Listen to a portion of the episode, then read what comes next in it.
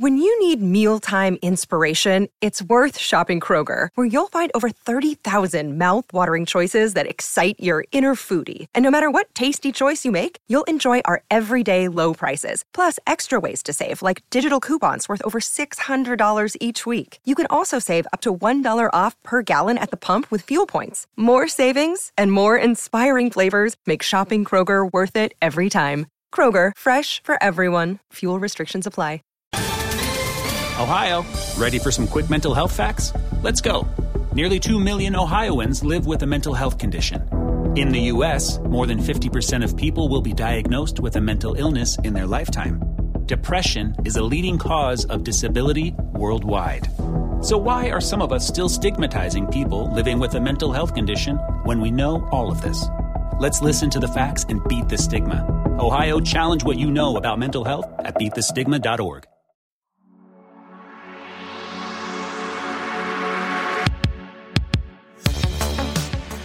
Hello, everyone. I'm Robert Palmer, and I'm excited to have you on board for the Broken System podcast. This podcast is about bringing to light stories that often stay hidden, stories about real people who have been let down by the justice system that should have helped them. Together, we're going to explore cases that show how the justice system sometimes doesn't treat everyone fairly, especially when factors like substance abuse and social class come into play. These stories reveal a concerning pattern where people don't get the same help as those who have more money and privilege. In our first season, we looked closely at the life and tragic death of DJ Vicky. His case showed how the system's biases can stop the justice from happening. Even though it was a tough fight, we managed to bring some closure when the person responsible for DJ's death was arrested. But that story isn't finished, and we're going to keep you updated on what happens next. These stories mean a lot to me. I've seen how tough things can be, and I've, I've been amazed by how strong people can be in the face of difficulty.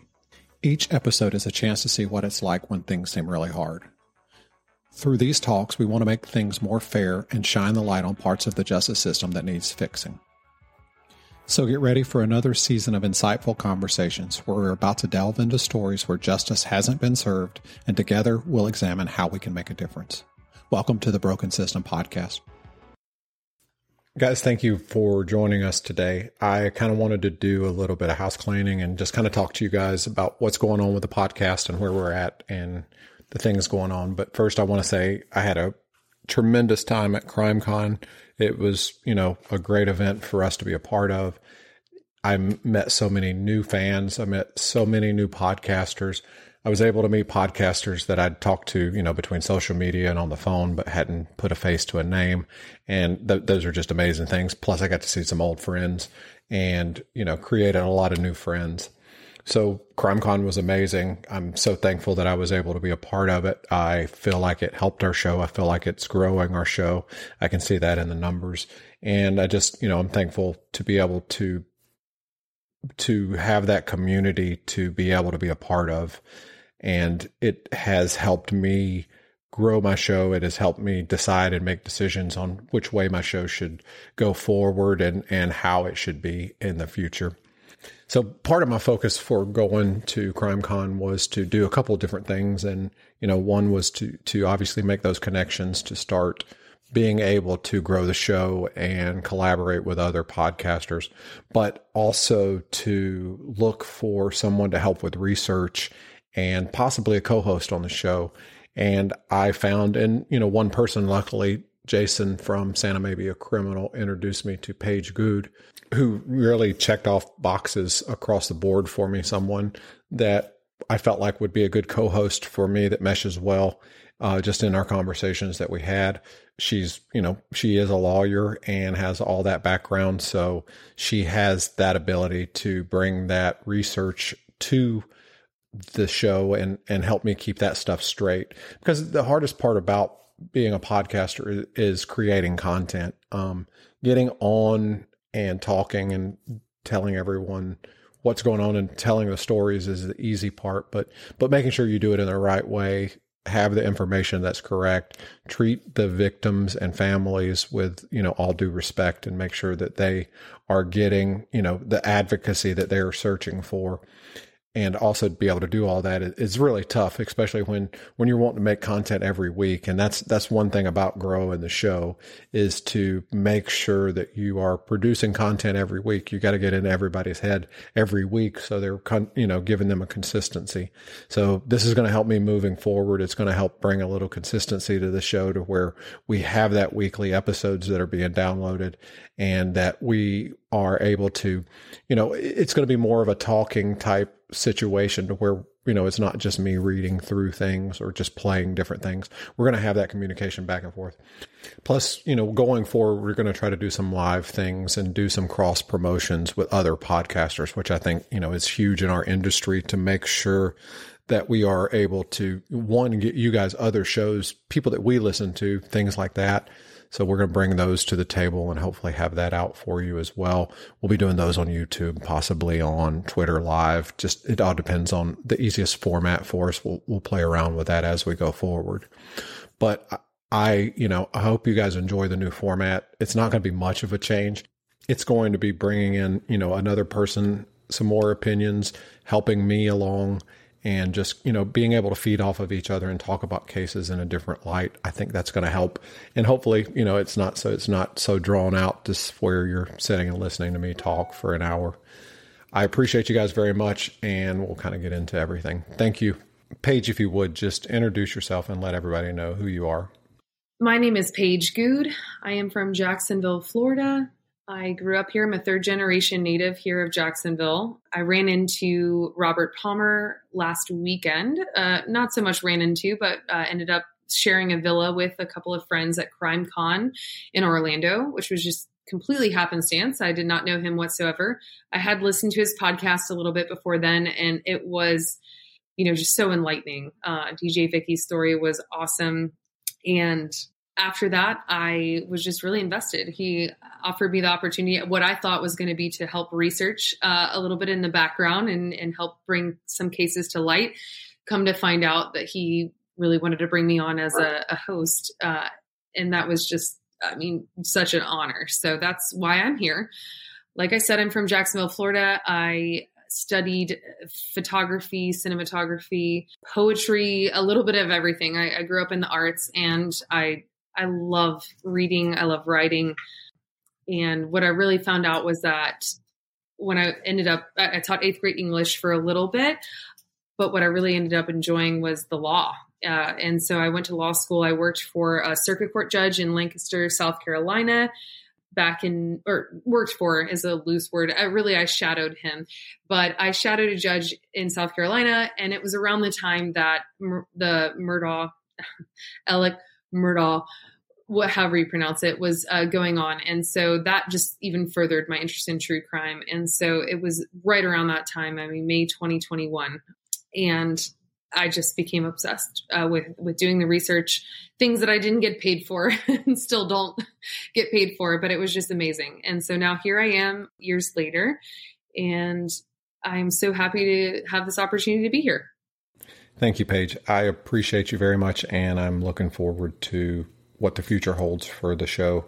So now we'll get into this week's episode. Welcome to the Broken System Podcast. I'm your host, Robert Palmer. And I'm your host, Paige Goode. And we're speaking with Paula Kensu, the wife of Temujin Kensu, the man wrongfully convicted of the 1987 murder of Scott Macklem. Thank you, Paula, for joining us. We're here. It's Robert, Paige, and Paula, and we just want to kind of talk about Temujin Kensu and his story, his issues, where things are, and how things are going, and, and what we can do as a group and a, a force to get him home. Hopefully by Christmas, that's the goal. We're going to push hard, so that'll that'll be the goal. So, Paula, how are you tonight? Let's take a quick break. Have you ever wondered what's at the root of homelessness? I used to try to describe it to my husband that um, I said, I feel like I'm in this big spider web and I'm stuck in there. And how wraparound approaches at missions aim to make a difference? It's the things like that. The people who communicated that, in spite of my rough edges, that they authentically cared about me. On the Restorers podcast, we'll talk to experts, investigate current issues, share stories, and give you an inside look at how we at Water Street Mission tackle issues related to homelessness and poverty every single day. Join us by searching Restorers wherever you find your podcasts. I'm doing okay. Um, tomorrow is wrongful conviction day, and every year I say, you know, I won't see another one. You know, he'll be home by it this year next time. But Temujin Kensu's been wrongfully convicted of the crime of murder of um, a man named Scott Macklem since 1986, and he has been behind bars since then. He has nearly a dozen witnesses that um, testified during the trial that you know have confirmed that he was over 400 miles away in Michigan's Upper Peninsula. He had just anything that could have went wrong in a in a trial went wrong for him. It seemed he had a drug addicted attorney who he didn't know was drug addicted at the time, but ended up being later disbarred in the state of Michigan from practicing law in fact, every conviction that that attorney had in a, a three year period was overturned because of his ineffective assistance of counsel, with the exception of Temujin's. There was, you know, a, a um, a jailhouse snitch who, you know, said that when they were in the cell together with Temujin, that Temujin admitted to him that he had, had committed this crime and later recanted and said, no, that wasn't true. He did get favors from the prosecutor. We've got notes from the handwritten note from the judge and the prosecutor saying that, you know, basically that this man would be given community placement after he testified, which he did instead of going back to prison. So basically, the murder happened in a college parking lot. Temujin had previously been dating um, a girl by the name of Crystal Merrill Parteka. And she was previously dating this man named Scott Macklem, who was the victim in this case. And Scott was the son of a prominent mayor in Croswell, Michigan. And so when, you know, after the murder occurred, you know, even though Temujin had moved away and hadn't even spoken to Crystal in a number of months, you know, fingers pointed to Temujin because he, you know, was a rock and roll guy. He rode a motorcycle. He, you know, had a history of kind of loving and leaving women and he you know did that to crystal and there was some um some bad blood there she didn't she wanted to be with him and she was heartbroken when he when he ditched her and he moved away so um and we'll be right back What's the real job of an FBI criminal profiler like? What's it like to make it your life's mission to catch the serial killer who killed your cousin? What's it like to be a lesbian and advocate for LGBTQ rights in the Mormon church, or to lose your husband at a young age and then devote your life to understanding the role of loss and how it impacts people at work? This is the Silver Linings Handbook podcast. I'm Jason Blair. We answer all those questions and more. As a mental health coach and former New York Times reporter, I bring eh, my deep curiosity and deep desire for understanding people and my firm belief that human life is precious to the podcast. Our goal at the Silver Linings Handbook is to take you to interesting places with interesting people in conversations where you feel as if you're sitting in the living room talking with us. The door is open, and we would love to have you come join us wherever you get your podcasts.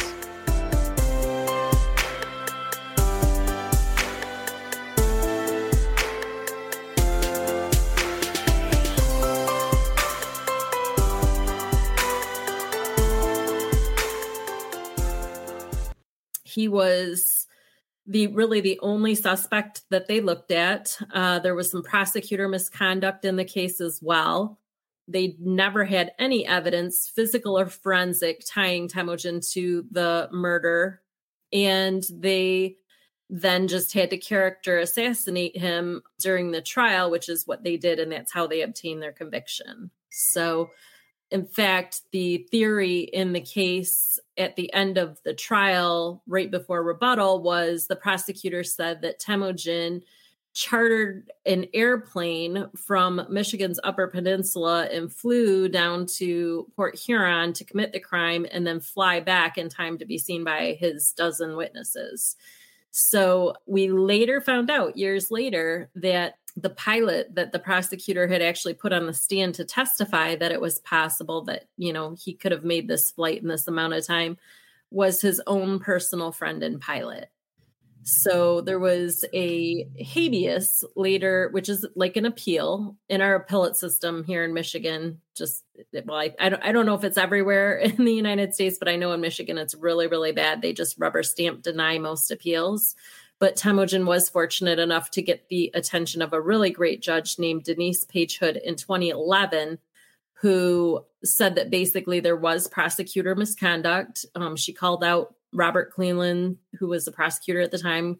She called out his his gross misconduct, and she called out the ineffective assistance of counsel of David Dean, the trial attorney, as well. So that was a, a victory. Temujin actually thought he was going home shortly after 2011 due to that victory, but that that never happened. He um, that case ended up being sent out of state and reviewed by another judge, and it fell under the AEDPA. And I might have gotten that acronym wrong, but it's the Anti-Terrorism De- Effective Death Penalty Act, AEDPA, something like that. And it basically was a law that is now recognized as badly flawed. And it literally didn't say that Temujin wasn't um, innocent. It said that he was just too late. He was too late to, he filed his appeal too late. So, and, and that was the appeal on on those on the habeas issues. And, and when they did that, they said there's issues with this, but we can't do anything because it's too late. Basically, exactly, exactly. That, that's so insane to me. And that's the one where the judge that dissented made the really kind of eloquent assessment of the issues with the actual original trial, right? I don't know that the original judge had anything at all. Or I'm sorry, I'm saying the original judge. So right. the dissenting judge in the appellate court, I could be wrong about that. Um, but there was one that said, you know, made a lot of really great points about his uh, not only the actual counsel that he had, but also the facts about his alibi witnesses, and then the the character evidence that was allowed in. Is that correct? That's they, correct. But they were barred. So even though he dissented for very very obvious reasons, but was barred because of the legal issue with actually being able to overturn it for that reason. I believe so, yes. And one note of point, it gets a little confusing, is that the original prosecutor, Robert Cleland, in this case, mm-hmm. is now a federal judge. So that's another sticking point where we believe, you know, justice is being delayed and denied because of this federal judge with all this power right now. He just doesn't want to say that he did something or that anything that he did was wrong he, he's he's too proud to admit that. I'm sure. Yeah. That that's insanity to me. And and I and I, one of the things that when people hear about the case and and 2023 and and 1986 are are it, it's so far apart. Wow. And, and you the things that happen in 2023 with cell phones, Google, uh, knowing where people are, Facebook, all of that kind of stuff is taken for granted nowadays. So you know, just cell phone pings and all that kind of all that stuff. In 1986, that wasn't there, so you didn't have you didn't have Temujin being able to look up you know the relationship status of Scott and Crystal. You didn't have Temujin knowing where Scott was going to school and and you know how to look up a chartered plane and and all of that kind of stuff. You didn't have all of that kind of stuff. It was all manual at that point in time. So those there's so many things that were flawed, and I just want to bring that up because people hear, oh, you know, it, they hear that nowadays and it's not such a big deal. But back in 1986, tracking somebody down and knowing when their classes are and when their school was and things like that is is so important that, that it's just not possible without being there for you know a week at a time to to figure those things out Right, right. And and that's another really disturbing part about this case is that Temujin was convicted of first degree murder, but he did there were zero elements of first degree murder proven in that trial. To um, have first degree murder, you have to prove, you know, intent and knowledge and, and planning and forethought of you know planning and forethought of this crime and there was none of that there was no temujin went downstate three times and scoped out the place there was none of that in the trial so that's another part that's really troublesome. But the fact that he was up in the Upper Peninsula, you know, you also have to look at things back in 1986, like how long it would have taken him to drive. You know, the the speed limits were, you know, 55 back then, you know, and they're 75 yeah. now.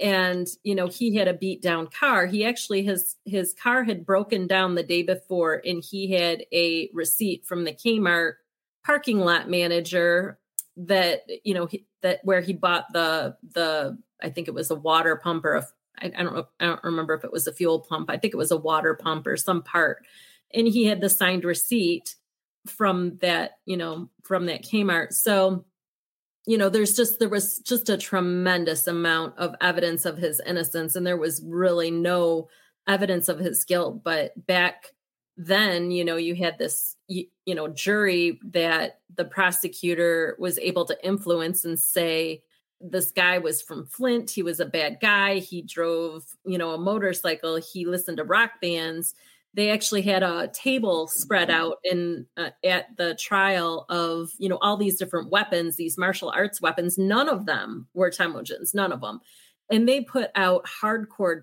pornography magazines and the prosecutor would come up and look at them and these little farm ladies that were on this trial were just like aghast at what was being presented. And they all were led to believe that that was all Temujin's belongings and none um, of them be- and nothing belonged to him that they had on that table. And none of them actually affected none of them had anything to do with the actual crime. Exactly. That's that's even the worst part about it. That that blows my mind. Let's take a quick break. Introducing Work From Anywhere, a Haworth Connect podcast, where we sit down with industry experts to discuss what's new and important in the world of work. We are now kicking off season two. In this series, we're focused on organizational culture, how important that is to the way we go forward in a work from anywhere ecosystem, and how we design the workplace to best support the most engaged workforce. We're available wherever you find your podcast and we hope you'll learn along with us. Yeah, that's what blew my mind when I first heard about his case was the which was actually none of that. I didn't hear anything about like any type of porn or any type of like anything like that. It was more so the fact that they sold so much like in the trial, um, the his interest in martial arts and these different things. Mm-hmm. But he was shot with a shotgun. With a shotgun, yeah, exactly. and you're like, okay, um, I mean, a shotgun is just such a it is a very it, i mean honestly i'm definitely not in any type of behavioral background by any means but it absolutely to me says something about who uses it now maybe a little bit different back in the 80s because you know we didn't have as formalized weapons like especially guns as we do now I mean, we've gotten a lot more unique with our guns since then. But um, yeah, I think it just, I mean, a shotgun is is just, and it's funny because I know that that they kind of alluded to it being, you know, the prosecutors not even alluded. They absolutely said in their opening statements and further on that it was going to be this kind of like small town victim, this small town family. Speaking of Crystal and Scott, and then going into like separating Temujin from mm-hmm. her and him and just making him this like kind of like isolated villain essentially. And it's so funny because like what person obsessed with these types of things, obsessed with these types of things would be one to just use a shotgun on someone. You know, it just it, it didn't add up. Yeah. You know, and and had he been stabbed or, you know, anything like that, I could see to where where they would able to, to kind of point that in the right direction. But when they're saying, "Oh, look at all these throwing stars and these swords and and this," but he was shot. And we'll be right back. We're here in the matter of the United States of America versus. Collect call from a person presumed nice until proven naughty. Santa Claus. Y'all. Santa Claus is locked up, and I'm going to get him out. My name's Richie Buck. I'm an amateur podcaster and investigator. I'm an Investapodster. I came up with that. If you like true crime, feelings of the holidays, And I ain't just talking about Christmas.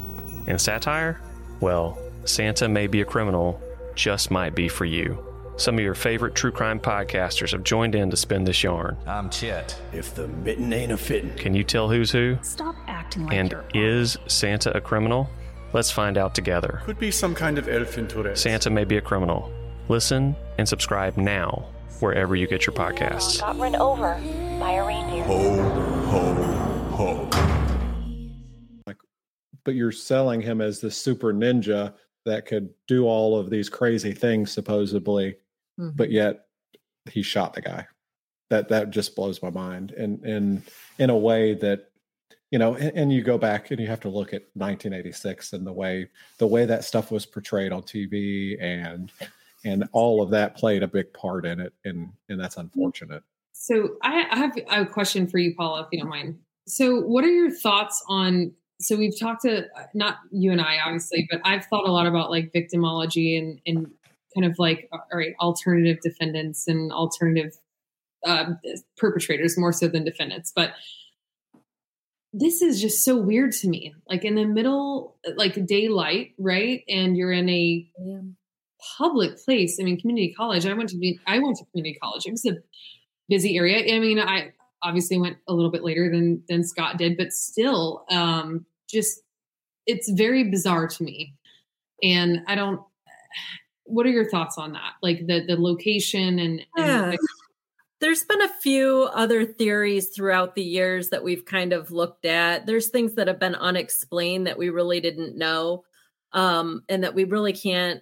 We, we just, you know, they never really looked at anybody else, so we we just don't know at this point. Um, but you know, there's some weird things. Uh, so Port Huron, Michigan, is situated very close to the Blue Water Bridge, which is the bridge that crosses over into Canada and Scott had some Canadian change in his pocket um, the morning of the crime. You know, when they when they when he was shot. So we thought, where you know, it was like two dollars and ten cents or something like that. And we thought, well, okay, where did this Canadian money come from? Did he just come from across the border? Did he get followed here from somebody over in Canada? Like what happened? Where was he? Nobody knows where Scott was the morning of prior to the murder or the night before nobody asked those questions. We don't know where Crystal was. We don't know if they were together and they got in a fight.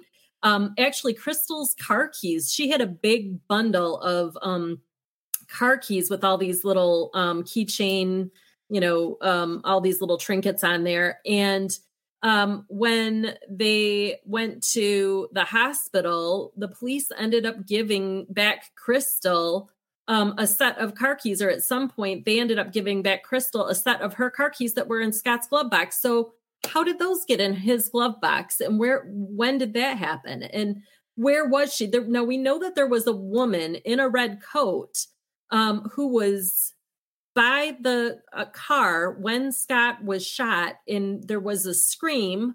We don't know if it was Scott or if it was the woman, but this woman appeared to shrug her shoulders and then she got into a red vehicle, red sports car, and she took off. Crystal had a red sports car. None of these things were um, investigated by police. Crystal loved that car, according to Temujin, and according to the records, that car was sold shortly after the murder. So, like, what happened with any of that? Crystal was never looked at for a long time. Temujin thought that Crystal was, you know, because she was pregnant, supposedly with Scott's child. We thought, well, maybe she told Scott about the baby. He, you know, didn't want anything to do with her. They broke up. They had a fight, whatever.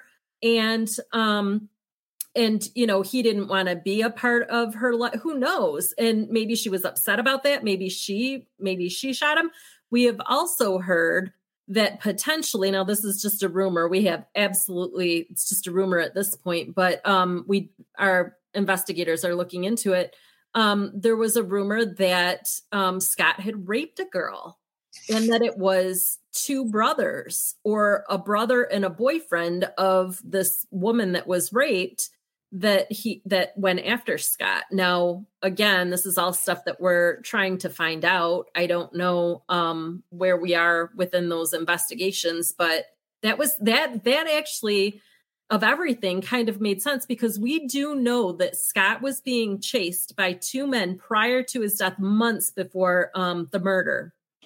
And the, these two men went into his workplace and they were looking for Scott, and he was running and hiding. And um, that was confirmed by the um, manager of the of the um, men's warehouse right it's it's in the old Sperry's building. I think it was called Innis Menswear. How, how um, much longer before was this? It was a couple months before the murder. Uh-huh. So I mean, there's like a number of things, and think like this case was just never investigated. Temujin, there was actually a call that came into the um, police department after Temujin was arrested and it said um, they said this guy's driving down i-94 which is the road you know leading to and from port huron the expressway that kind of heads to detroit. And there was a, a call that came in after the murder after temujin was um, incarcerated.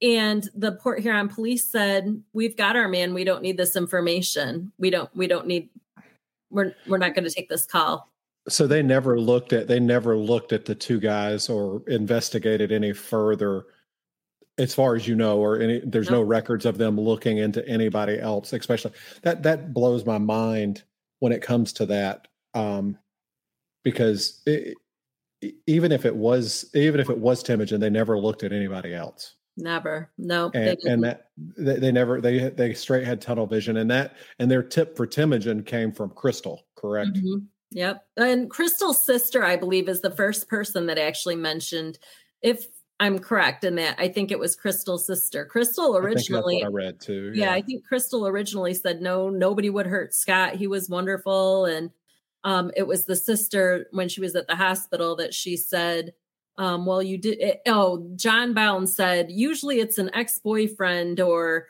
in Crystal. And that's when Crystal's sister Tracy said, um, well, you did, you know, you you did date that guy. Um, you know, they they called him Mickey. Mickey was his nickname. He went by a couple different nicknames. Um, and he was Fred Freeman at the time. So, um, you know, she mentioned him then.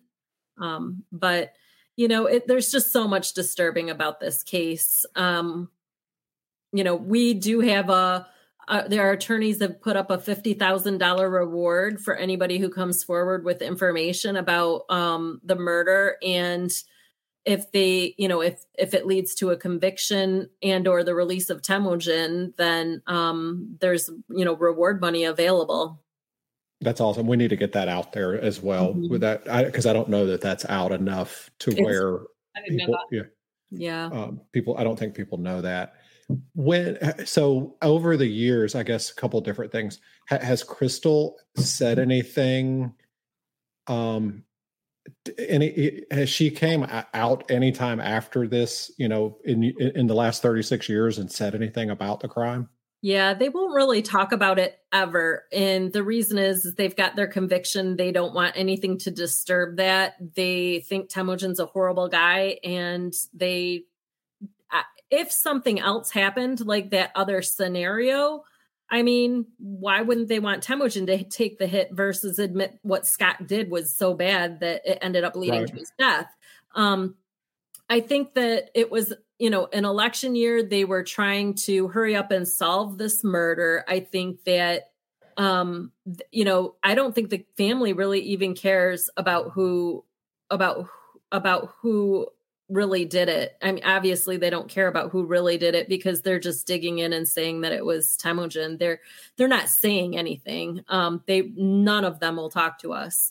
Um, we've tried, you know, having. I mean, there's been podcasters that have reached out in the past, and we even um, years ago, Bill Proctor was trying to speak to um, the parents of Scott and was told to get off the porch and never come back here again, or we'll arrest you. And you know that See, was that, that blows my mind because uh, you would think that they would want true justice for their son you know you know it's especially when you hear everything and you see everything there's no way that they can they can in their heart but i guess it, it may be that they just close themselves off and and resolve themselves this is it and that's it you know yeah Yeah, I mean, it's it's sometimes simpler to just accept like what's been told to you by authorities. Absolutely. Um, I was going to ask. So, Paula, you had mentioned like the, use the word they, and I'm just curious. Like when you say they, speaking of like Crystal's family, I assume her family um, or the victim's family, which I know that they weren't even together that long. So, I guess probably Scott's family. Who is it that you have not heard from? Who is it that you would like to hear from? Is there any players there that like you wish you could hear from? And we'll be right back. Are you tired of having an unruly, scraggly beard that just won't cooperate? Look no further than Copper John's Beard Company, your one stop shop for all your beard care needs. Our commitment to quality ingredients and unique scents will take you on a journey to create your perfect beard. Specially formulated beer oil and butter will give your beard the TLC it deserves, leaving you looking healthy, manly, and wise. But what sets us apart from the rest? Copper Johns is the only beard product company that uses inland sea minerals, providing your beard with essential nutrients and minerals for optimal health. Don't settle for a lackluster beard any longer. Upgrade to Copper Johns Beard Company and take the first step towards achieving the perfect beard. Use code BSP10 at checkout for a special discount on your first purchase. Order now and start your journey to a healthier, more confident you with the Copper Johns Beard Company. You know, the brother never said a th- they never interviewed the brother. Um, I Scott's brother, um, the victim's brother, they never interviewed him. Um, he's never spoken out. Um, and then the son. Now Brandon is um, supposedly Scott and Crystal's son, right. and he's never, you know, um, he's never come out and you know spoken on this case or anything either. And I and I mean if. I I, I, I've posted before in the face. It's interesting. I've posted before in the Facebook groups, um, and some of them up here locally. Um, and and I, you know, am close, still close, kind of to the um to the area, and you know, people will. It's I always find it interesting. They they always talk about Scott's child, um, Brandon, as if he's as if he's a child, as if he's a, a little kid, and I'm like, he's 38 He's thir- I was going to say he's 38 years old. He's- Yeah, it's been 37 years. Yeah. 30, 30 yeah so he's 36 37 years old now and i'm like why are you talking about him like he's a child because there was some lady that um, keeps on posting and she's like he's just a child and i'm like a child he's 38 you know 37 whatever it was so i just i i think if you if you grow up and you don't know who your father is and there's this much controversy around who really you know potentially killed your father and how your father died. I mean i would want to know. I would want to know the truth. I would be having a hard conversation with my mom and i would be saying mom you know what what happened?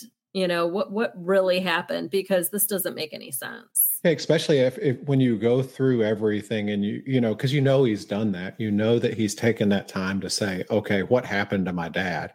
And and any i would say any normal person that looks at Temujin's case is like there, there's no way that this man did that. So what really happened? You know I, I would as a child or as a son or a brother or uh, you know a, mo- a mother and father i would hope that they would want that that but i guess if it goes back to possibly causing issues with scott's you know his uh memory memory or what what could have you know what could have actually caused it because I, I think i read somewhere that there was a possibility that he was selling drugs as well and it mm-hmm. was a drug deal gone bad in the parking lot that type mean- of situation 80s, right? Like, I mean, there's drugs still very prominent now today, but like, I think to, in my perspective, if you're a child that, I mean, he, she was still pregnant, right? When this mm-hmm. happened. So, I mean, I, I don't want to age myself here, but I was in my mother's womb around the same time. Um, and, you know, to think about something like that is like, it is almost too distant for you, right? It's different when you're seven or 10 to lose a parent and something like this, but to be literally have zero memory, like not even have a, your first breath before something like this happens to your father, then it's like what you're told when you grow up is is is what is fact. You don't ask a lot of questions Right. about people that you trust the most. I mean, that's just it's human nature, right? Like the people that raise you, that feed you, that you know give you that spiritual guidance, that emotional guidance. Like you, it, I mean, I'm not saying you never ask questions, like we all do, right? Like that's also human nature, but I think it's really hard to to expect someone. I don't care if you're 38 years old or 18 or eight years old. Like you're, it's difficult to ask those questions of people, including my my own family. Just speaking on my own terms, it's really hard to ask those tough questions, even when you have speculation that things aren't always what they're you're told they were. Yeah. Right. Yeah.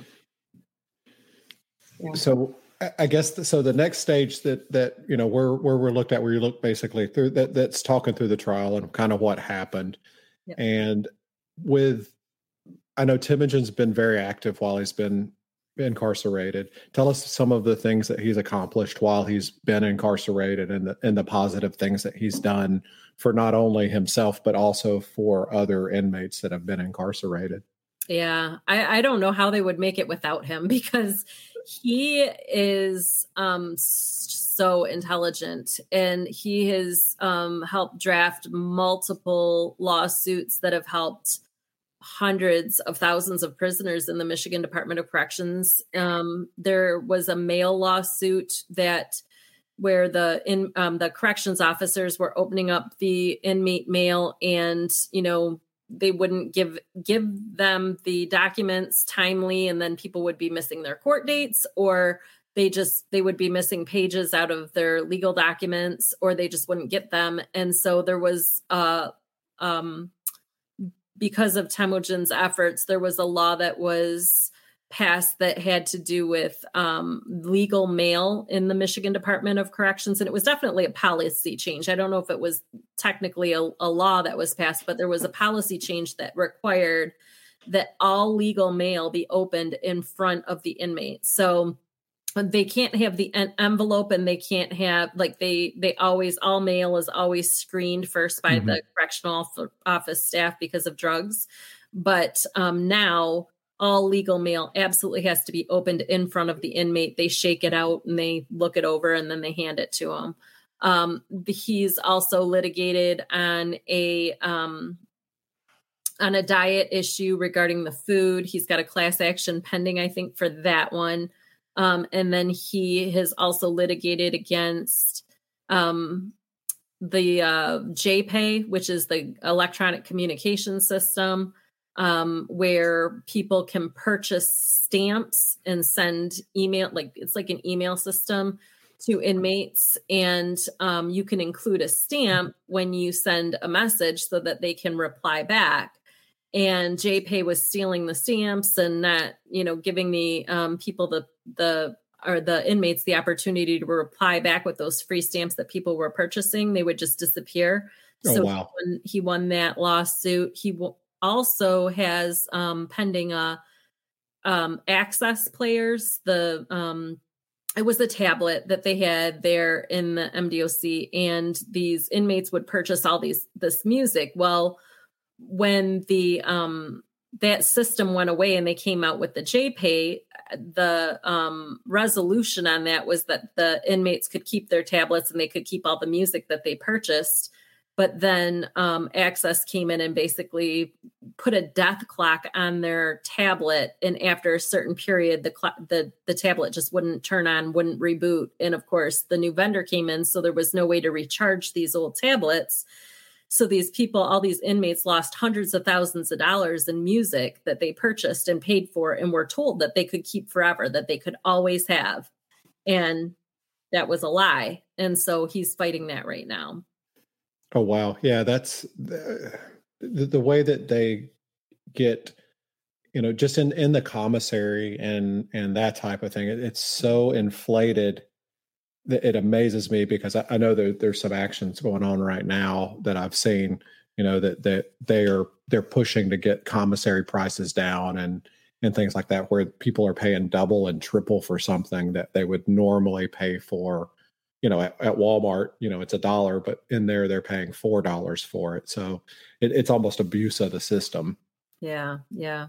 There, there's also the telephone. There was an issue once with the telephones, the GTL, and there was um, some a lawsuit that he had pushed through where they were going to charge an additional fee um, for each phone call and there's not that fee charge so even right now when you call the michigan department of corrections and you get that inmate um, calling you back after you put money on their phone um, they don't take that additional fee out there uh, out of that call so he was also him and um, his wife wife at the time amico um, were responsible for getting that resolved for inmates. So that's awesome.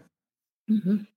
Those are big things, and and I know that that you know it it puts his name in the forefront as well. So it probably I don't want to say hurts him, but when when he's when he's causing those issues and he's a thorn in the side, it's harder to get people to to look harder at his stuff if that makes sense, as opposed to someone that's just kind of sitting on the sideline waiting. Yeah, he's he's a fighter. He always has been. He always will be. He does not like it when you take something from him and he doesn't care if it's a clipboard or an ink pen or a pencil um you know you're not going to just take things from him because he's had that his whole bit the whole time that he's been down you know they play these games where each prison has its list of things that you can have. And you know you go from one prison to another and they say well you can only have two clipboards here. You you know even though you could have five of them over there. So we're going to take these three and you know we're going to take all this um you know these books that you purchased or that were purchased for you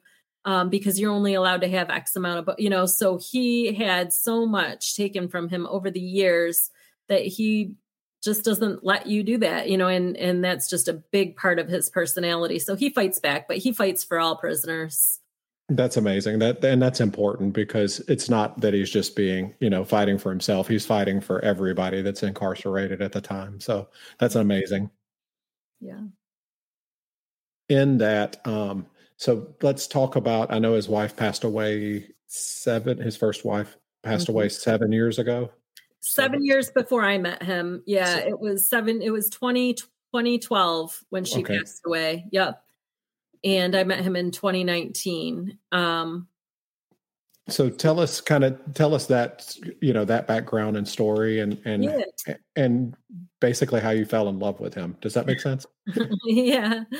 Um, so first, Amiko had been married with Temujin for 20, 22 years. Um, and they, you know, she did so much legwork on this case, getting word out, getting assistance, getting people to look at the at the issues. She was able to get Herb Welser on board, which is our private detective, and um, Bill Proctor before that came on board, who was with Channel Seven News, and he was the um, the investigator that was able to get a um, polygraph test into the Michigan Department of Corrections, where Temujin took his lie detector test behind those walls, which was so fascinating. And another, um, in fact, right after that happened, there they they ordered issued um, an order from Lansing saying absolutely no cameras are ever allowed into the prisons again ever. And so his was the very that um, episode that you can still find on YouTube mm-hmm. about you know Joplin recanting um, and there's a really great Supreme Court Justice, um, Thomas Brennan, you know, saying that if he would have seen this case, he would have thrown the whole damn thing out.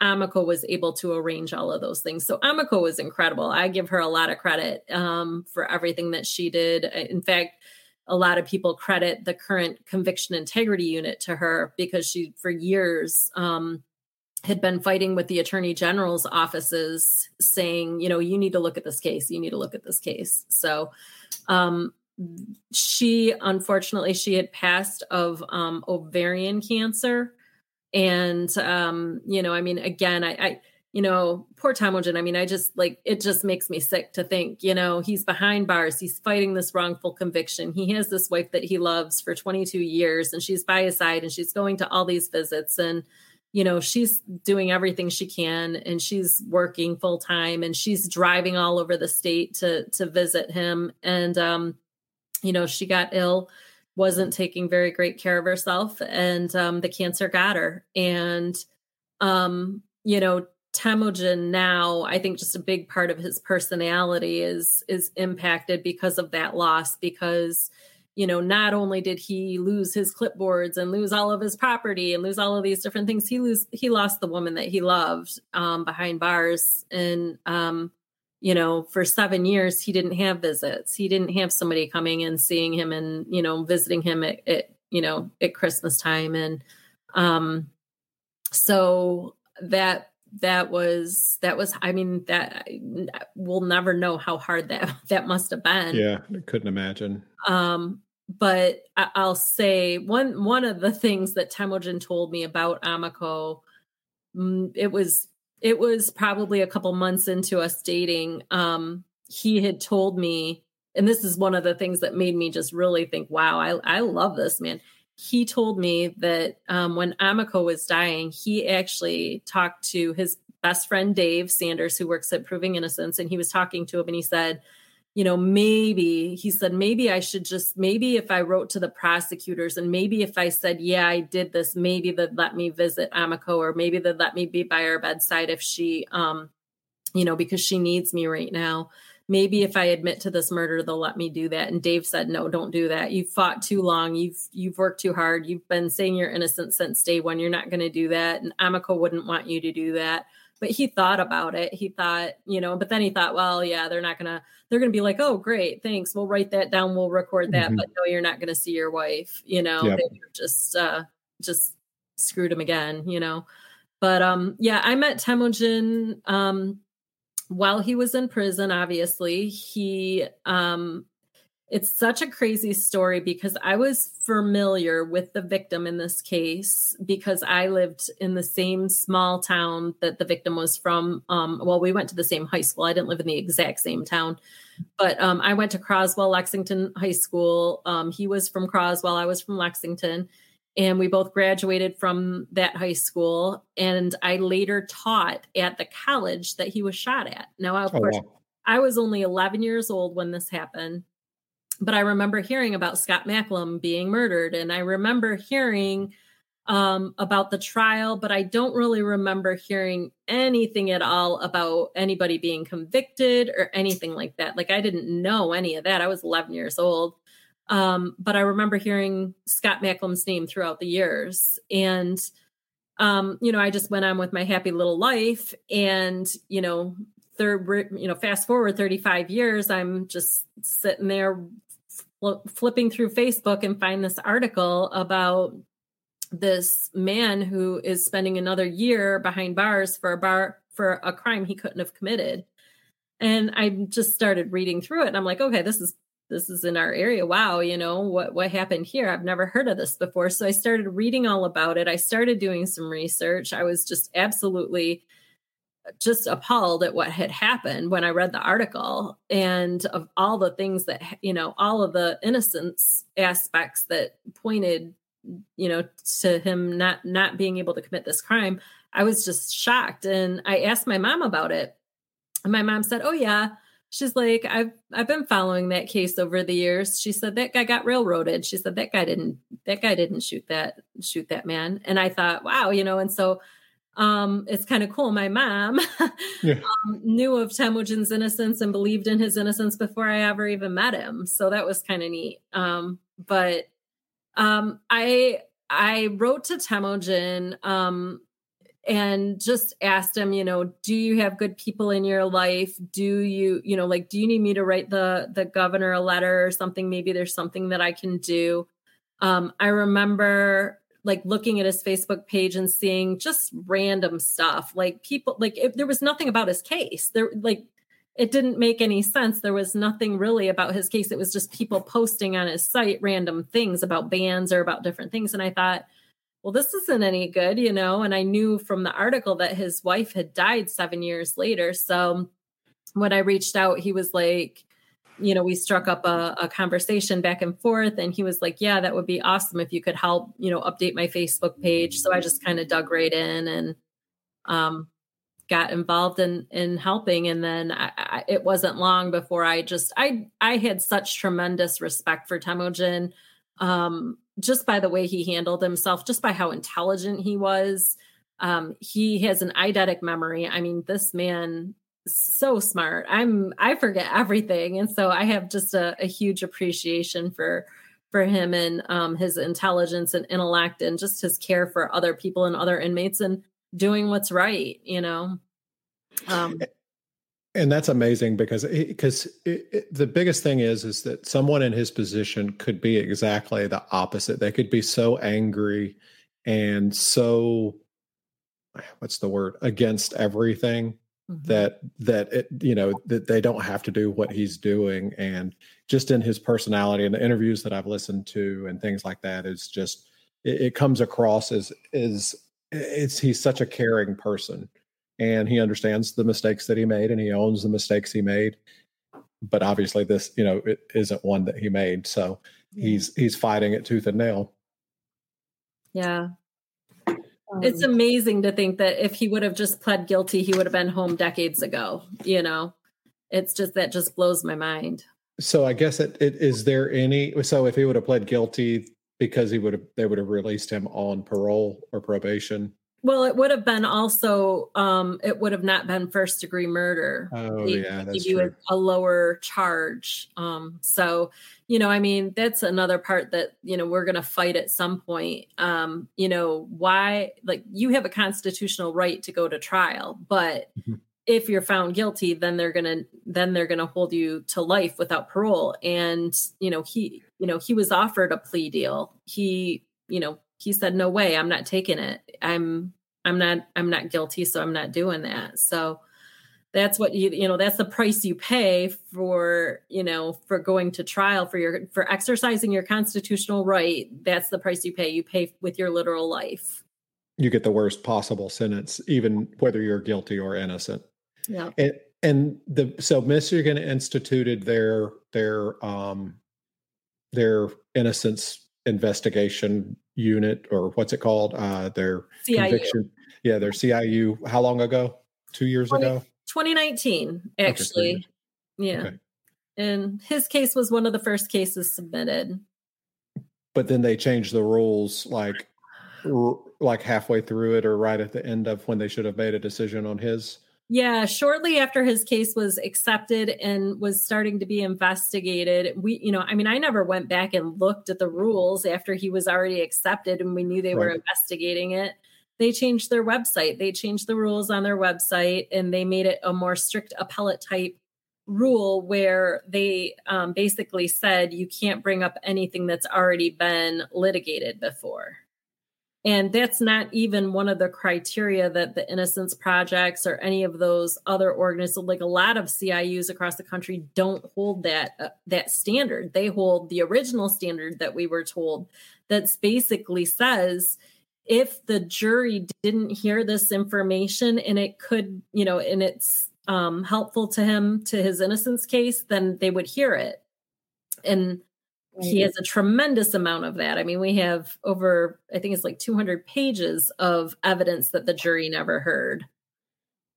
Yeah, and that that and I thought as well as, as it was supposed to be for misconduct of of attorney of the of the trial attorneys and the police and that type of thing as well. Well, yeah but they're not even they're not even a, they're not even taking any of that. It, he has to have supposedly new evidence that was never that was never anywhere in the trial right and never been heard of. he did have one piece of new evidence. It was something of course that the prosecutor hid from him for over 30 years. Um, there was uh, a material witness. Her name was beth Steir and she was the woman that he was on the date with up in the upper peninsula the night before the murder. And she was with he was with her until about you know 2 3 o'clock in the morning. He had um he was at a elias brothers big boy. They were having broccoli soup. The manager of the restaurant um mcnamara brian mcnamara? I can't mm-hmm. remember his first name. Um was um he knew that it was a Wednesday night because that was the night that they had broccoli soup. Um and they had uh, supposedly interviewed this girl. The Port Huron police had supposedly drove up to the Upper Peninsula and had um found this woman and interviewed her while she was in high school and asked her about this date that he that she was on with Temujin the the night um right before the murder. And she said, Yep, he was with me. You know, there's this whole report.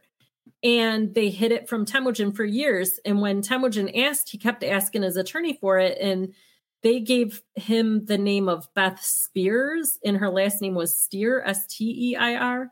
So evidently, you know, we never the defense never found her because in the in the prosecution hid the report saying that yeah i'm i was with him and he was in no rush to get home well that was the new evidence that we used um to ask the ciu to re you know to look at this case that was one of the major pieces of evidence and the ciu said well she was cumulative to all of his other witnesses. She wouldn't have added anything because there were people that saw him after um, he left Beth. So she wouldn't have added any additional value at trial, which is a complete lie because she would have been able to testify to his state of mind.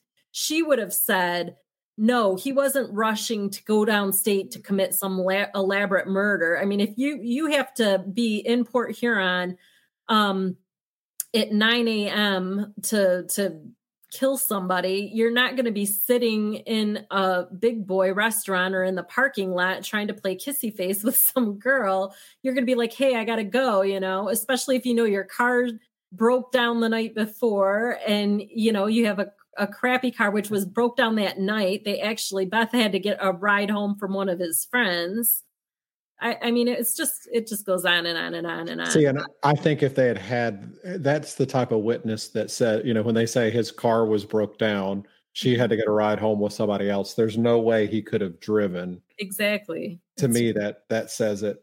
And it, it's it just in itself. Yeah, and then the prosecutor, well, he chartered an airplane. Come on. Anything cumulative about that too? Like, okay, they had no problem with him bringing on twenty something witnesses to his alibi defense.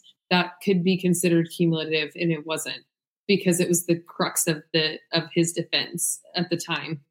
And I, I can't imagine that having, even though it wasn't technically an, it wouldn't be an alibi defense because you know hours, several hours before the crime happened, but it would still be like what um what is it called? Like the the big picture, right? Like the um it was oh there's like a Latin term for it, I can't remember. But basically the the the day of the six hours before, the six hours after, the 12 hours before, 12 hours after. It it is so critical for for no reason other than an alibi, right? Like an alibi is like an obvious reason, but it's also just like you said, state of mind, um, I mean, just understanding of of mechanics of travel, like anything like that, like you said with the car issues, things like that. Absolutely, I think that would be so important. Yeah, there's nothing cumulative about that. No, no. So well, in in that, so since they say that there has to be new evidence, I guess what would be that new evidence that they that they would require DNA? But there's no, I mean, that's not going to be possible. Um, so yeah, I mean, there was a shotgun shell um, found at the at the scene, as well as a empty am- ammunition box at the there. So one was so there was the shotgun shell that was found at the scene, and the ammunition box was found in an adjacent parking lot. Um, that might have been discarded. And there could potentially um, have been some sort of DNA on either one of those things, like a, you know, um, skin oils or whatever. Neither of those were ever tested, and the prosecutor refuses to release any of that and let us test it because they're holding on to this conviction as well. Like they don't want to have some $30 million lawsuit that they're going to be looking at for wrongfully convicting him. So um, the other really interesting component about that current prosecutor up in Port Huron is that he is on a national board. He's on the National District Attorneys Association board, which just blows my mind because how can you be sitting on a board for national prosecutors and have a wrongful conviction in your own county that you refuse to acknowledge? So I've been calling him out as well. Um, and you know, having people write to the NDAA and say, listen, you know, you have a board member who's got a wrongful conviction. Don't you care about justice? You say you care about justice. We certainly hope that you do. What, do you, you know? Do you mind if I ask how old uh, this person is or ish, how like their age range? Who's that? The prosecutor? The one that's on the board. Yeah. Um, he's probably about 45 or so. So definitely not relevant in the career at the time that this was going on. No. So that blows my mind. I've always kind of been curious about those type of interactions. Like, first of all, it shouldn't matter, right? In an idyllic world, like it wouldn't matter whatsoever. Like if you if you know the facts and you look into things and you address your community, like you would not ever allow something like this to happen, um, regardless of your status, you know, your status um, in the in, in the district attorney's office or any other political office. I, I get that, but it it it blows my mind even more that you don't have someone coming in. Which I mean, he's you know in 40s, early 40s, late 40s, early 50s, late 50s.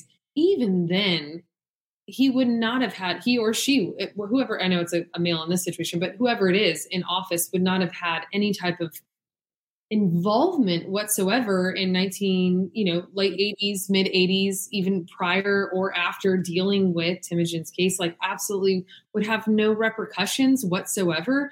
Um refresh me when his trial what year his tr- actual trial was? 87 86 87 87 okay yeah okay. So yeah i mean if you're 40 something even 50 something now you you wouldn't really have been no I think where the issue comes is that his predecessor is a federal his predecessor is a federal judge. So that there's some play in there, but eh, you know, eh, my point on it is is that okay, if what does it hurt to test it? it it's not going to cost them any money because it's going to be paid for by the Innocent Project or, or you know Temujin's funds or however that is. It, so what's the you know best case scenario? It comes back that it, it's got Temujin's DNA on it Worst case scenario, it's got somebody else's and they know who actually killed him. You know, I, I guess they start looking at the dollar figure of of the wrongful conviction. Absolutely. Yep. Yeah. Um, no, I couldn't agree more. And I, I don't know if we're at that point yet, but I will just say, Robert, I do have like a hopefully a bit of a little bit of a I don't know what's the word um, palate cleanser question for Paula. Um, mm-hmm. I'd love to ask her either now or later if you have yeah, any. You can, you can, do it now for sure. All right. So what what does and then you're the only one that can really speak for him for now. Obviously, I know he can write us and stuff like that. But um, what would you say his life if he could have anything in the world? Obviously, not like millions of dollars, but you know, just like we're able to be free and be out. Um, other than just your relationship, which hopefully would be great, um, and everything would be wonderful there. What type of aspirations does he have um, outside of uh, incarceration, and and what goals, what spiritual, physical? I mean, obviously, we hear the story about him being this like you know alleged obsessed, you know, mm-hmm. cult Japanese artist member. And that's just what we hear, you know, as someone that, and, and that's speaking for myself because like I obviously came onto this case very recently with Robert, but um, what, what's different? What's the same? Um, yeah. How, how do you think he'd want to live? Well, what's the same is his healthy mindset. He has always hated smoking, drugs, any of that stuff. Like he is so healthy. He literally eats mustard packets because that's the only way he can get turmeric. Um, he used to sit underneath the one. He eats, um, you know, wildflowers and certain herbs and things that he finds out in the prison yard. There was a ginkgo tree in Lapeer. He used to sit underneath the ginkgo tree in Lapeer and eat the leaves off of it because he thought it was going to help his brain get bigger. I don't know, but he is such a health nut. He works out. He's got huge muscles. He's um, he is just like he cares so much about his health and he before incarceration was just starting this vitamin business where he would start you know selling vitamins. He still shows just a tremendous interest in um, learning and um, assisting other people with health helping them with their health. And he's always you know helping me. He's helped his family members. That stayed the same. Martial arts is also huge. He's still you know he can't wait to um, get nunchucks. He hasn't used nunchucks in forever. Um, he used to love that. He used to love all of these different um, martial arts um, forms and weapons, and he just loved doing all of that stuff. So that's that's also stayed the same. Um, music, he really enjoys rock and roll, and you know, he I think you know, that was always something that he thought that he was going to do at the time when he was incarcerated. He had um, a meeting with somebody. He was going to go and try out for some new band. And, um, you know, he's definitely got a, a big appreciation. I think the music has helped carry him through, you know, the times um, in prison mm-hmm. as well. So he, you know, he's always asking me to look up you know, this foot pedal or this amp or these guitars. I see you've got some guitars back there. I can tell one of them he's got like a starburst, like the one behind you. Uh, the bass, yeah, yeah. Um, so he's really big into into music and um, but I think that that's gonna, you know, I mean, obviously at this point in his life, he's just it's a hobby. It's something that he just wants to do because he enjoys it, you know, and it's more um you know he just he in tools and he just he has a garage full of you know every kind of thing. I've tried replacing all of these things that have been stolen from him over time. My dad you know i have a lot of my dad's um tools from when he you know when he passed. So and then i you know i'm always picking up stuff for him. He can't wait to get here and fix things and build things and he's just like dying to to do all of that the mm-hmm. technology, I think, is going to be a little tricky for him. He's already, I've sent him a picture of, uh, we have a, a 2020 Dodge Ram, and I took a picture of what, you know, under the hood. And he's like, I don't recognize anything under that hood. He's like, I can't tell you what any of that is. And he was a car guy. What year was he born again? Um, 1963. Okay. All right. So my dad was born in 56, but he, so he's a big car guy and he does the same thing. He said, he could fix anything on a car until about the 1990s. He was like, everything just got so electronic, maybe 95 to 2000. He's like, he started looking underneath the hood and he was like, what am I doing here? yeah, it is, it's different. It's different for sure. Yeah.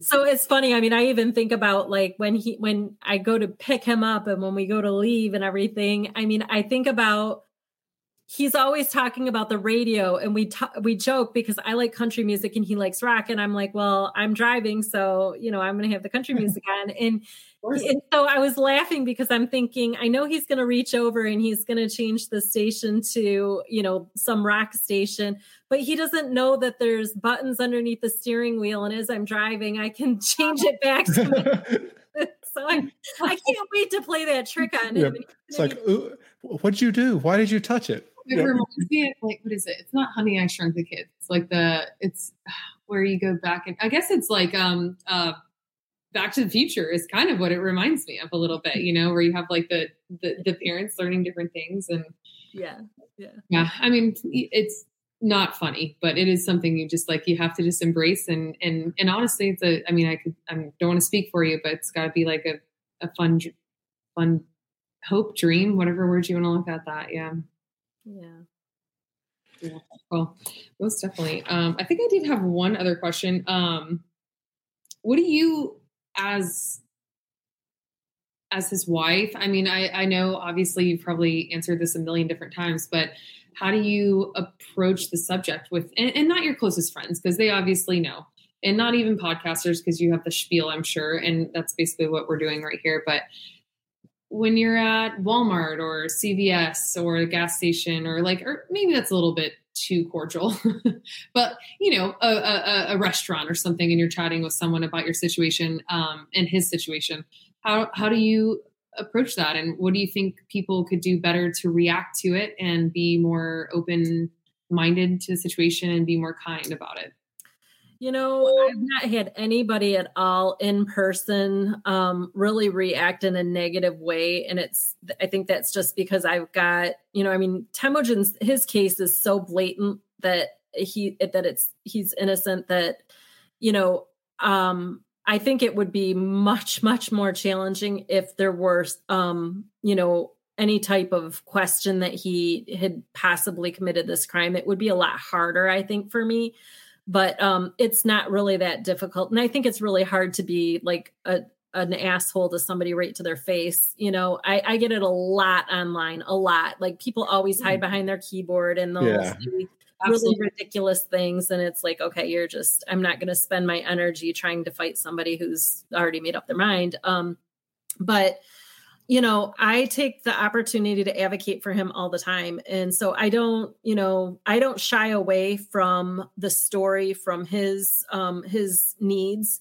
I don't, you know, like not take his phone call because I'm around, you know, people at work or, you know, um I I don't hide him. I mean, he's he's the love of my life. I talk about him all the time and I don't care who I talk to him about. I'm always telling people about his case and about what happened and about how it can happen to you and about how everybody should care about wrongful convictions because it can happen to anybody. Mm-hmm. Um and I I just also I just think that, you know, he's just been through so much. It just at this point we just got to get him home and it's just oh, it's just it's it's it's just aggravating to me that it you know that it's that I'm still sitting here fighting. It's really it's kind of you know at this point it's harder and harder for me to be nice about it with like asking the governor you know i mean I, i'm trying to keep my cool but at this point literally i go online on the form online there's a website and i just you know go out there and i just say why is temujin still in prison i can't literally get into all the details and the emotions every time I ask her because I just get so pissed, you know, mm-hmm. that I'm just now it's just like I just ask the question over and over and over again. I can ask three times a day.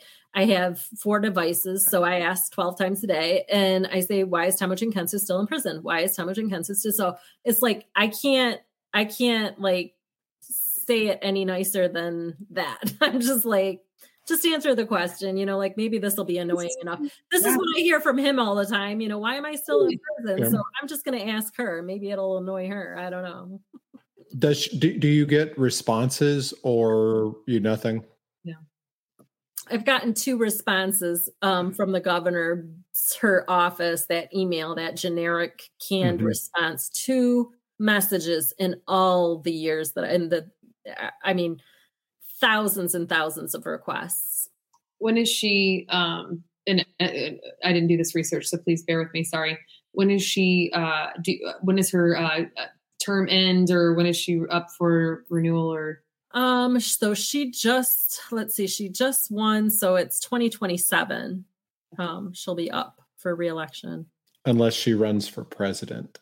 Exactly. Or, or vice or vice president, one of the two, because that's the rumor. That's the rumor rumor with her is that she may be on a ticket soon, and that would that would honestly, I know it sounds dumb, but it would it would help because then at least it would get someone in with fresh eyes. Well, and eh, absolutely right, because then you'd have you could call it fresh eyes, but it's really just a, a bigger spotlight, right, on her mm-hmm. that uh, would be something that she probably doesn't care about now because it would wouldn't help her or hurt her career. Um, but you know, looking on a larger national scale, absolutely.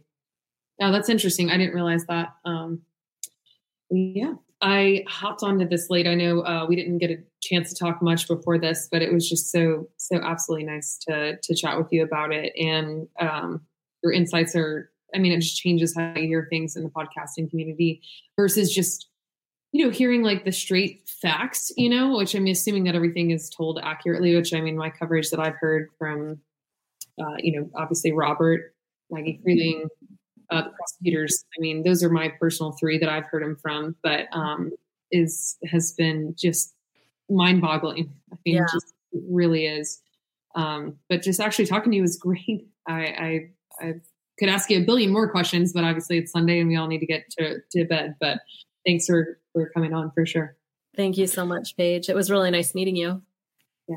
So one more thing we do want to talk about real quick is is wrongful conviction day. So I want you to um I want you to kind of tell where the story is with wrong with the wrongful conviction day and I, I know you, there's some pain points with you you know you'd said you're not going to go to a, to the live events for certain reasons so if you don't mind sharing those with us I, I would because I want to get it out there yeah so I, I, was always, you know, organizing rallies at the Capitol, and I was the one right out there, you know, holding out signs. I'd bring my truck and, you know, signs and markers and everybody, uh, my megaphone. I mean, I was rally girl, and um, I did that for a long time. Um, when the CIU changed the criteria, refused to release the report that um, has the recommendation to exonerate my husband, I decided that I can't go to those events anymore because the woman at this that you know that made that decision at the at the CIU and is not um, standing up for Temujin and not standing up for justice now. She's going to be at all of those events, and I just I have nothing nice to say to her. I can't. I don't want to go. I just don't want to be um, confronted with looking at her and having her, you know, watching her stand up there and talk about how much she cares about justice and how much she, you know, how important this work is, and I, I, it just makes me sick to my stomach. I can't. I can't do it. So I'll go to the the events um, online where I don't have to to view, you know, watch her in person or anything like that. But um, yeah, it's it's it's frustrating. It's exhausting. You know, I mean, this is a fight that you just nobody can imagine what this is like. It's just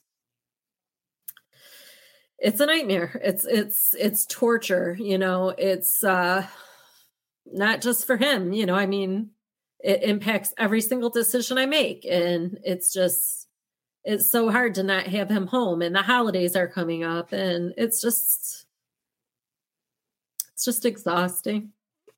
We understand. I mean, and and that's why we're, you know, that's why we're doing what we do because we want to make sure that people because it it's it it it always blows my mind. I listen to a lot of true crime and I listen to a lot of different types of stuff. So I know you know i've heard of Temujin i've heard of you know all the cases where on all the different podcasts it is on but you could ask a hundred people and they've never heard it and and i think it's probably eh, you you probably have the same thing in michigan i would imagine yeah. you could probably ask a hundred people and and 25 of them have no clue who who Temujin is just because of it you know a, as the years go by it gets less and less. So it's it's very important for us to make sure that his story his case and and you know everything that we can do get it to get it out there as much as possible. So we we understand and we thank you very much for being here. And we know that we want to support you and we want to do everything we can. So as as a group for everybody that's going to listen to this hopefully it'll be a bunch of people.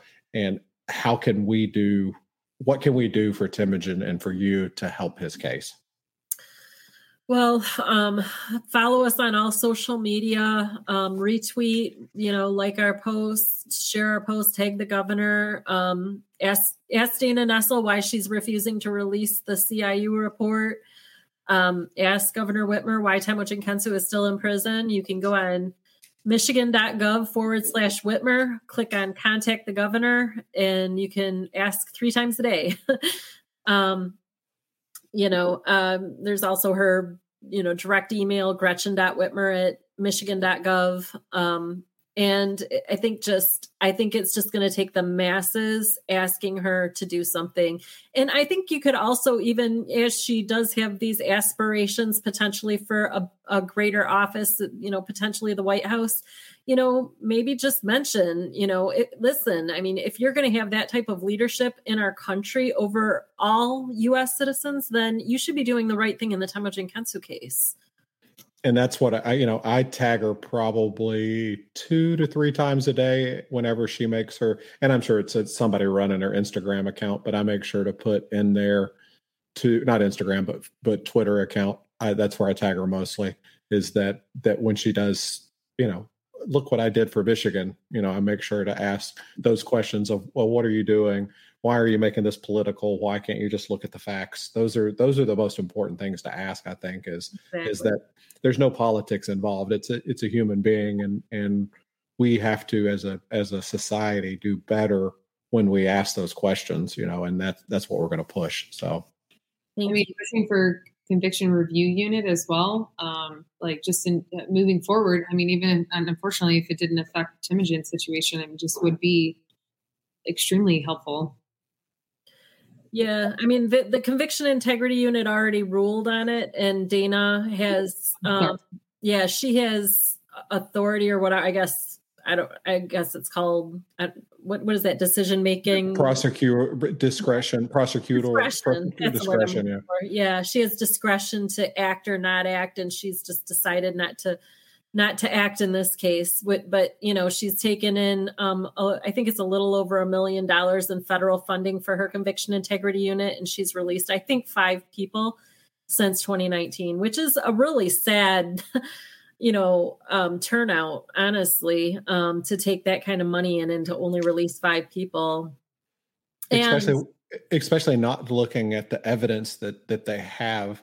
There's no reason why that they, they that they should not take the shotgun shell in the box and do and and look for touch dna they even yeah whether they find anything or or or not. Yeah they found him and i mean they absolutely there's no way they found him guilty. They absolutely know he's innocent. They they wrote a 2500 page report. We know that they wrote a 2500 page report.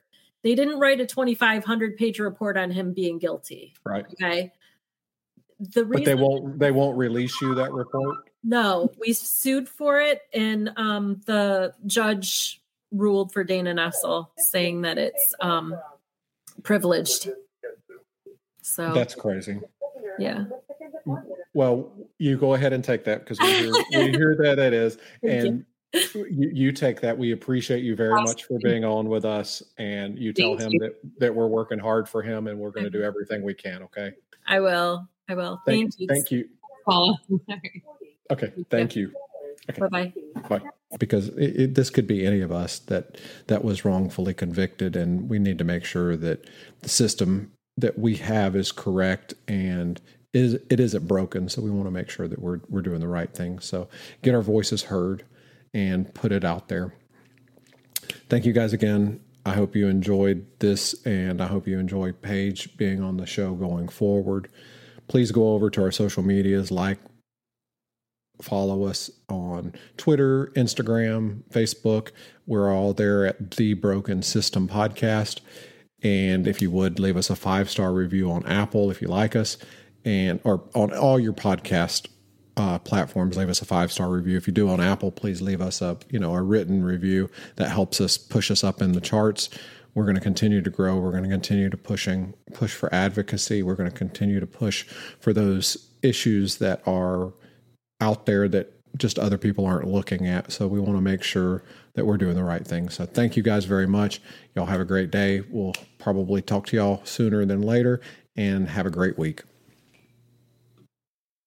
And that's a wrap for today's episode of the Broken System Podcast. Don't forget to show your support by liking and sharing this episode with your friends and family. We also invite you to join us on Facebook and Instagram for more updates, behind the scenes content, and community discussions. Just search for the Broken System Podcast on both platforms and you'll find us. We encourage you to check out our show notes for this episode, where you can find links to our partners, a transcript of the episode, and information about the music you heard today. We want to make it easy for you to access all the resources we discuss on the show. And lastly, this episode was written, edited, and researched by Robert Palmer. Thanks again for tuning in, and we look forward to bringing you more thought provoking content on the next episode of the Broken System Podcast.